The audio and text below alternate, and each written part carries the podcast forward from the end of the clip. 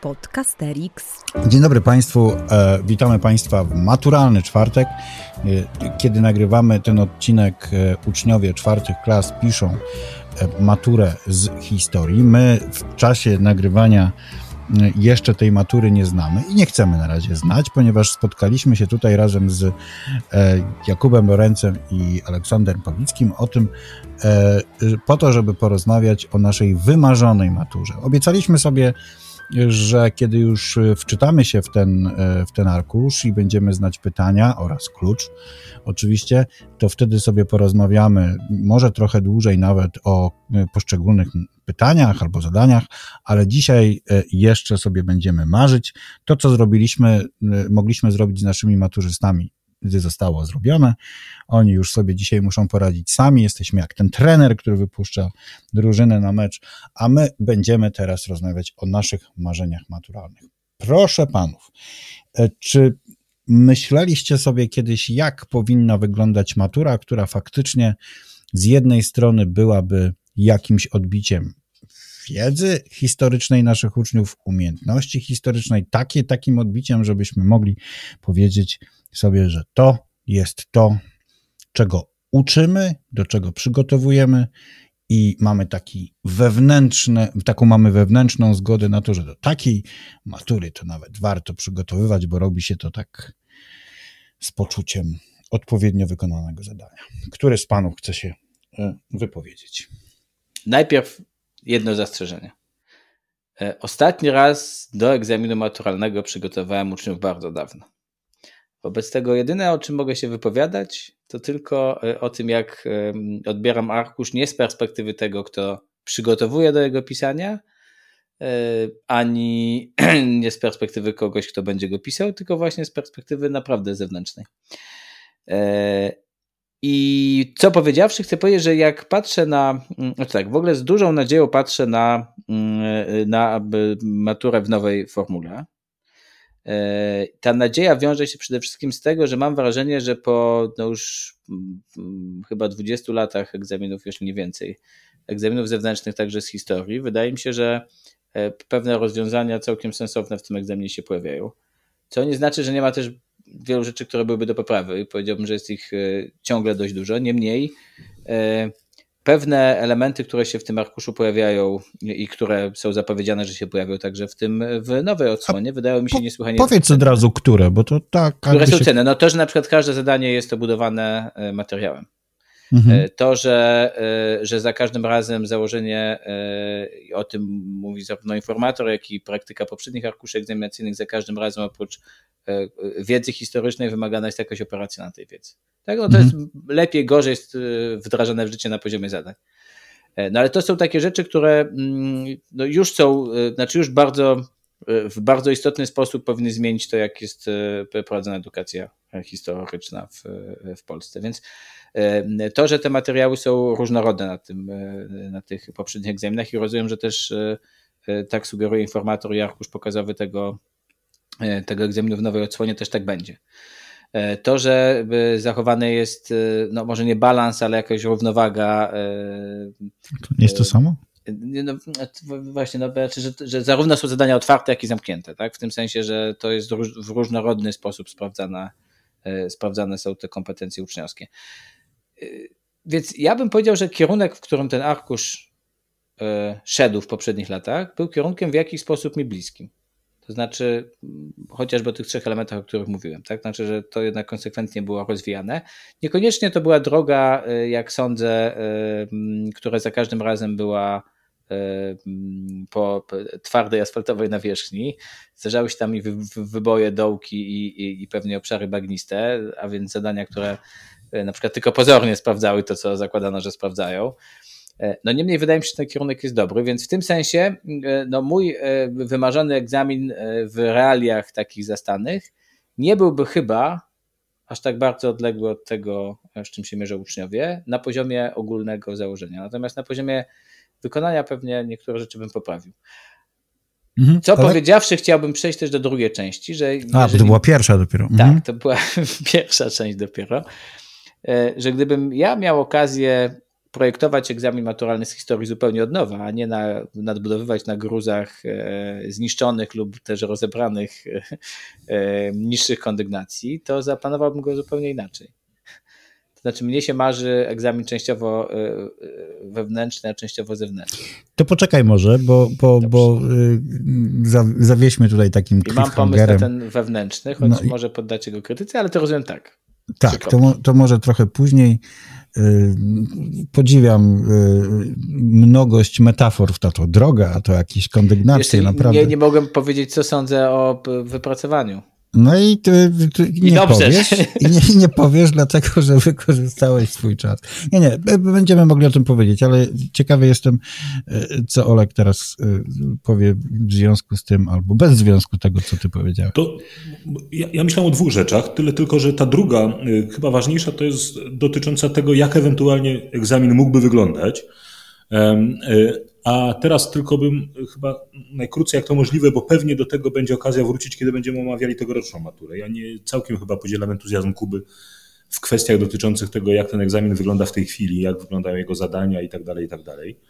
Um, powiedziałbym, że to, co mi obecnie bardzo przeszkadza, to jednak to, że te zadania, um, mimo ja dostrzegam pewien wysiłek zmierzający w tym kierunku, ale że te zadania jednak nie są zadaniami, o których można byłoby powiedzieć, że e, rzeczywiście sprawdzają e, pewne e, elementy myślenia historycznego. Moim zdaniem ciągle, ciągle nie. I wydaje mi się, że to wiąże się także z tym, jak bardzo przywiązani jesteśmy do kilku prostych form tych zadań. My powinniśmy po prostu szukać możliwie różnorodnych form zadań.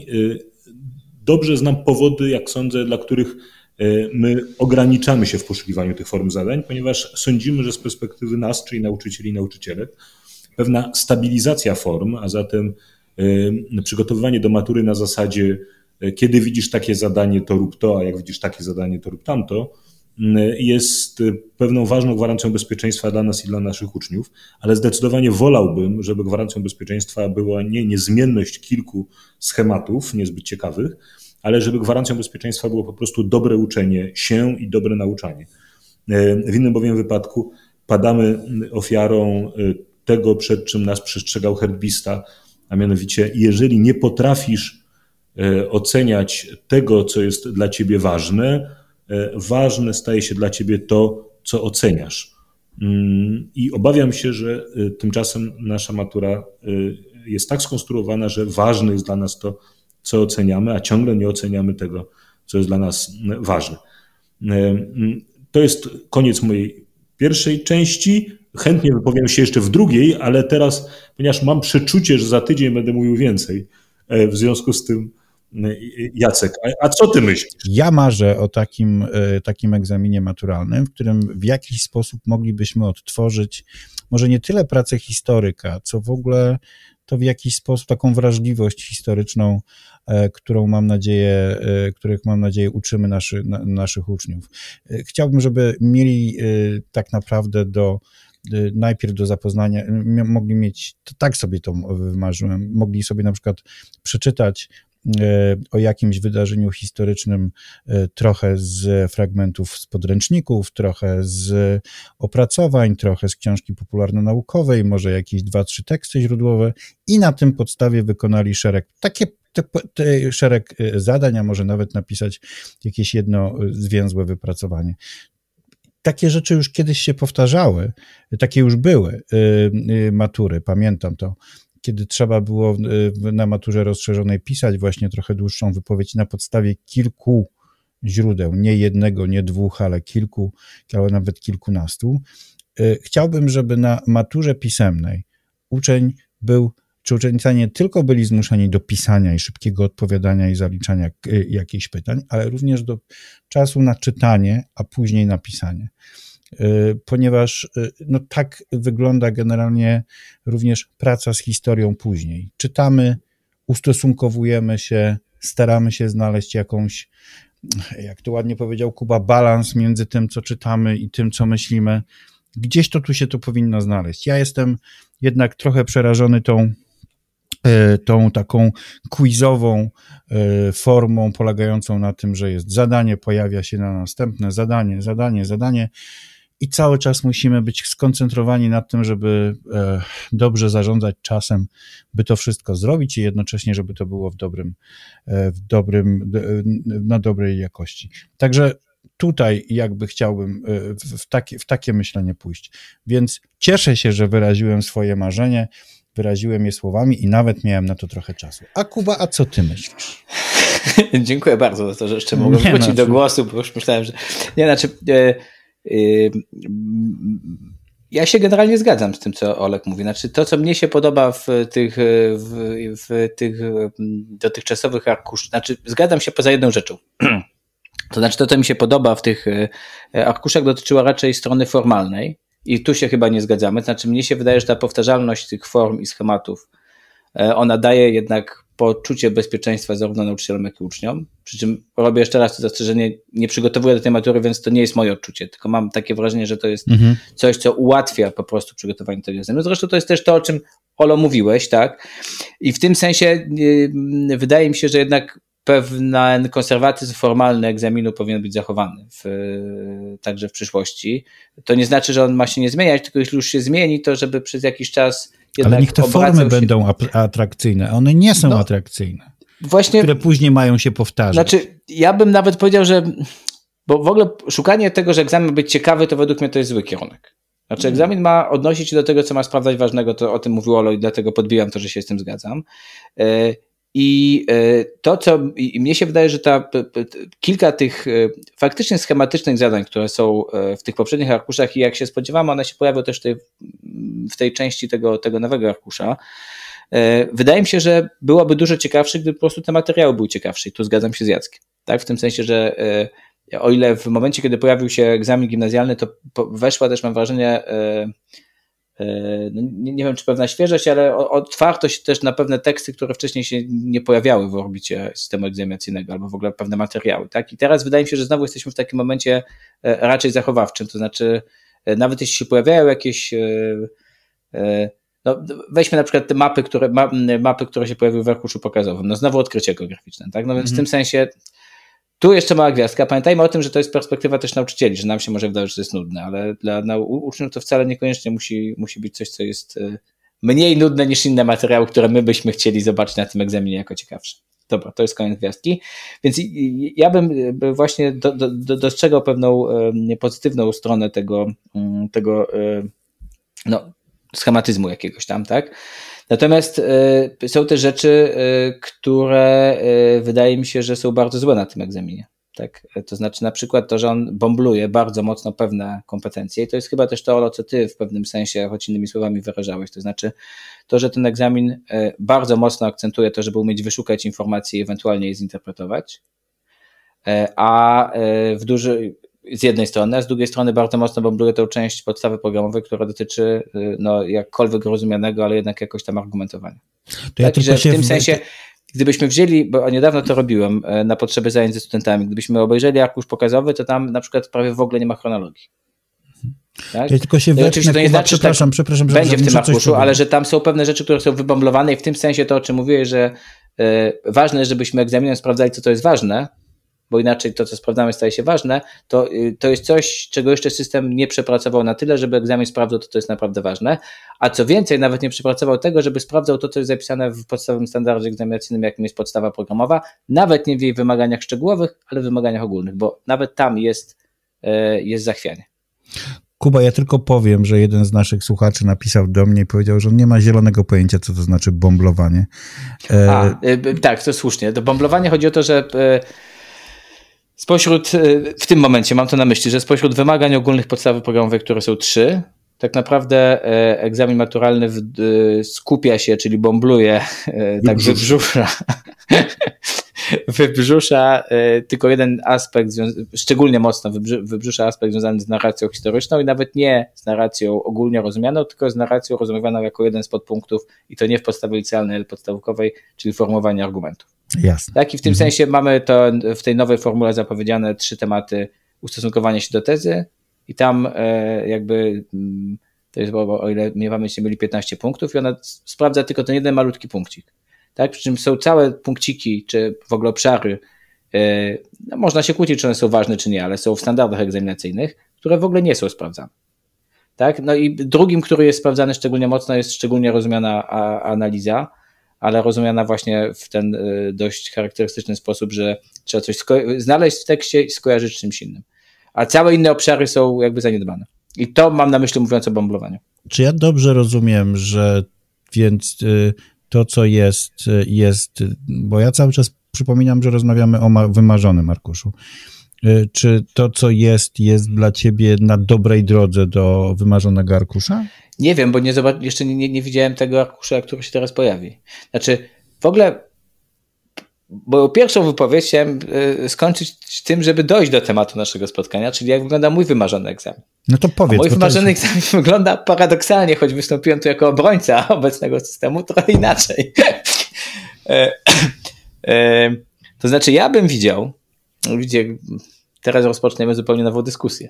No, tak, ja bym widział jako bardzo atrakcyjną formę egzaminu maturalnego z historii, formę hybrydową. To znaczy, jakkolwiek wydaje mi się, że e, system egzaminów zewnętrznych jest bardzo e, dużym osiągnięciem naszego systemu edukacyjnego, to wydaje mi się, że nie wszystko można nim zmierzyć. I e, ja bym widział jako integralną część matury z historii pracę badawczą, pisaną przez uczniów pod kierunkiem nauczyciela w jakiejś formie bronioną później przed komisją, która składałaby się, która byłaby jakąś składową egzaminu e, maturalnego. Oczywiście można od razu powiedzieć, że zrobi się to samo, co z maturą ustną z polskiego, że będzie zestandaryzowanie, że połowa uczniów nie będzie wiedziała jaki temat, że nauczyciele będzie nie będą wiedzieli. Rynek i będą kupować Ale jakby, rozumiecie, to wszystko są e, trudności, które jeżeli uznalibyśmy, że to jest wartościowe, e, żeby wprowadzić na egzaminie taką część mini badawczą, e, dłuższej pracy pisemnej opracowanej samodzielnie w domu e, pod kierunkiem nauczyciela jako pewien proces, no to w jakiś sposób być może dałoby się je złagodzić albo tak skomponować wymagania do tego komponentu maturalnego, żeby przynajmniej niwelować te trudności, które to się, które się piętrzą, jakby jeżeli myślimy o tym w pierwszym rzucie. I to byłby jeden element, a drugi byłby zewnętrznie ocenianą formą właśnie bazującego na materiałach źródłowych, być może bardziej urozmaiconego formalnie, niech będzie, E, e, nazwijmy to testu. Tak? No ale takiego, który znów nie sprawdzałby wiadomości, tylko wykorzystanie funkcjonalne tych wiadomości w kontakcie z jakimś materiałem. I tak by wyglądała moja wymarzona matura. To znaczy nie tylko oceniana zewnętrznie, ale także wewnętrznie, po to, żeby uchwycić to, co jest bardzo istotną elementą warsztatu historyka, a także edukacji historycznej obywatelskiej, to znaczy pewną procesowość w poznawaniu świata. Olek? No, Dziękuję. Słuchajcie, no, tu jest strasznie dużo wątków, które się pootwierały. Mówiłem. I chyba bym powiedział tyle. To znaczy, po pierwsze, jest tak, że to już dawno ten wątek tutaj był, ale chcę jednak, żeby to wybrzmiało, że dla mnie schematyczny, to, że schematyczny często oznacza nudny, to nie jest problem ze schematycznością to, że ktoś się trochę wynudzi na egzaminie y, maturalnym z historii, to nie jest dla mnie jakaś straszna, straszny argument przeciw. Y, kłopot ze schematycznością polega raczej na tym, że y, przygotowujemy pod pewne modele zadań. Co więcej, te modele zadań wcale niekoniecznie sprawdzają to, co miały sprawdzać, chociaż niektórym tak się wydaje i to wybrzuszenie, o którym Kuba mówił, czy bomblowanie dotyczące argumentacji, one jest oparte na pewnej grze pozorów. To znaczy, jak przyjrzymy się informatorowi y, maturalnemu, to zobaczymy, że tam mnóstwo zadań, które opisane są jako zadania, które sprawdzają argumentację, ewidentnie tej argumentacji nie sprawdzają. Mówią nam tylko coś na temat intencji. I teraz to, co jest clue, to znaczy, dobry egzamin maturalny niestety musi kosztować. I być może my powinniśmy być, y, przyjąć to, że y, za, za przynajmniej dwie rzeczy musimy być jako państwo gotowi zapłacić y, y, po to, żeby egzamin maturalny z historii czy czegokolwiek był lepszy, ponieważ widzimy, że złe egzaminy maturalne wyraźnie po prostu zmieniają edukację na gorszą. Tak? To znaczy ten efekt zwrotny egzaminów zewnętrznych po prostu psuje system. I po pierwsze, no musimy być gotowi na to, żeby zapłacić za standaryzowanie zadań. Y, poprawcie mnie, jeżeli się mylę, ale moim zdaniem my ciągle jeszcze nie standaryzujemy zadań.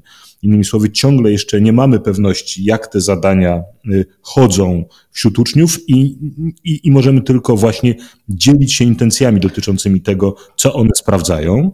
To po pierwsze. Tak, trochę wiemy, z tego co wiem, to trochę standaryzujemy, ale na próbach, które nie zawsze pozwalają wyciągać no, mocne wnioski. Tak. tak. Więc w tym sensie to jest kwestia właśnie dokładnie. No więc to po pierwsze. Y, I po drugie, oczywiście to ten kierunek, o którym mówisz, Kuba, to znaczy połączenie y, matury robionej wewnątrz szkoły, y, z udziałem oczywiście ekspertów zewnętrznych i egzaminu zewnętrznego, to jest znowu bardziej kosztowne przedsięwzięcie, czasochłonne, prawdopodobnie na przykład wymagające zaangażowania nas w lipcu, bo trudno sobie wyobrazić, żeby szkoły jednak w maju zupełnie stawały i tak dalej, i tak dalej.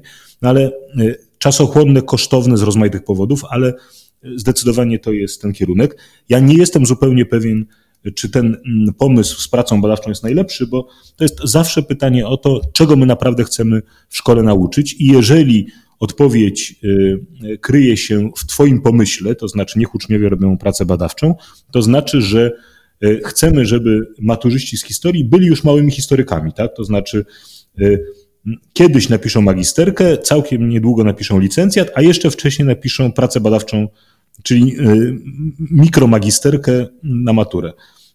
Ja nie jestem pewien, czy ja chciałbym, żeby wszyscy uczniowie byli po prostu małymi historykami, albo maturzyści z historii, żeby byli małymi historykami.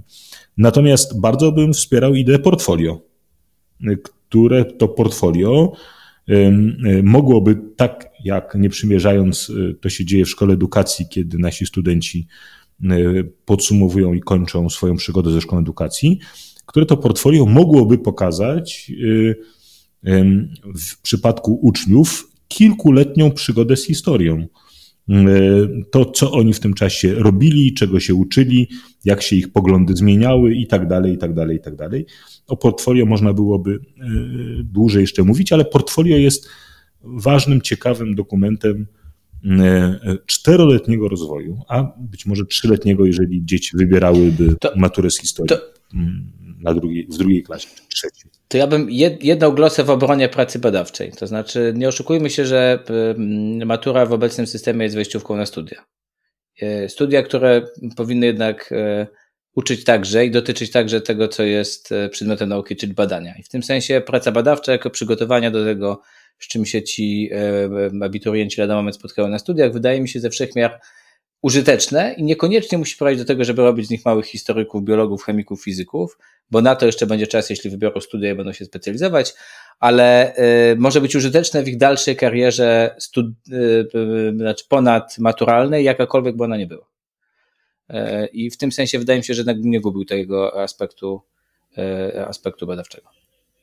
A ja będę jednak utrzymywał się przy swoim, będę uważał, że powinniśmy naszych e, uczniów, e, zwłaszcza teraz, kiedy mamy ogromny kryzys czytelnictwa, dochodzenia do e, jakiejś takiej stabilnej i, i wiarygodnej wiedzy, jednak uczyć czytania i pisania.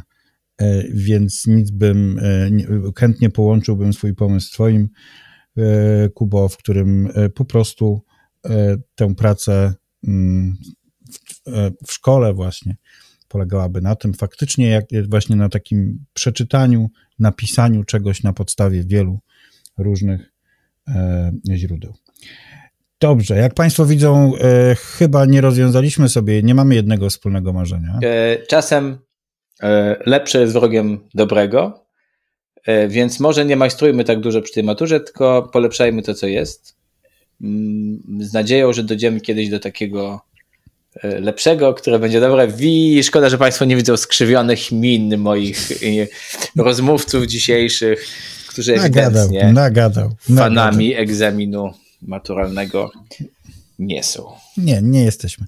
E, Aleksander Pawlicki, który nie jest, Jacek Staniszewski, który nie jest i Kuba Lorenz, który jest. Bywa. Bywa i chce wierzyć. Jest, ty, ja tylko tak, przypomnę. Nasz Nawet nie wiedzą Państwo, ile dyskusji na ten temat odbyliśmy w kuluarach. Do widzenia. Trzymajmy się i najlepszych, e, najlepszych wyników dla Państwa uczniów. E, z takim życzeniem zostawiamy na, na następny tydzień Państwa. Do widzenia. To był Podcasterix. Wysłuchali Państwo kolejnego odcinka podcastu Trzech Nauczycieli Historii, którzy lubią sobie pogadać o swojej pracy, bo ją po prostu uwielbiają. Tych trzech jegomości to Kuba z charakterystycznym R, Olek charakterystycznym głosem i Jacek, który czuwał nad nagraniem i montażem. Podcast przygotowano dzięki wsparciu Szkoły Edukacji Polsko-Amerykańskiej Fundacji Wolności i Uniwersytetu Warszawskiego, w której cała trójka pracuje. Więcej informacji na stronie szkolaedukacji.pl. W czołówce wykorzystano dźwięki na wolnych licencjach, a głosu użyczyłam ja, czyli Adriana Bąkowska. Zapraszamy na kolejny odcinek.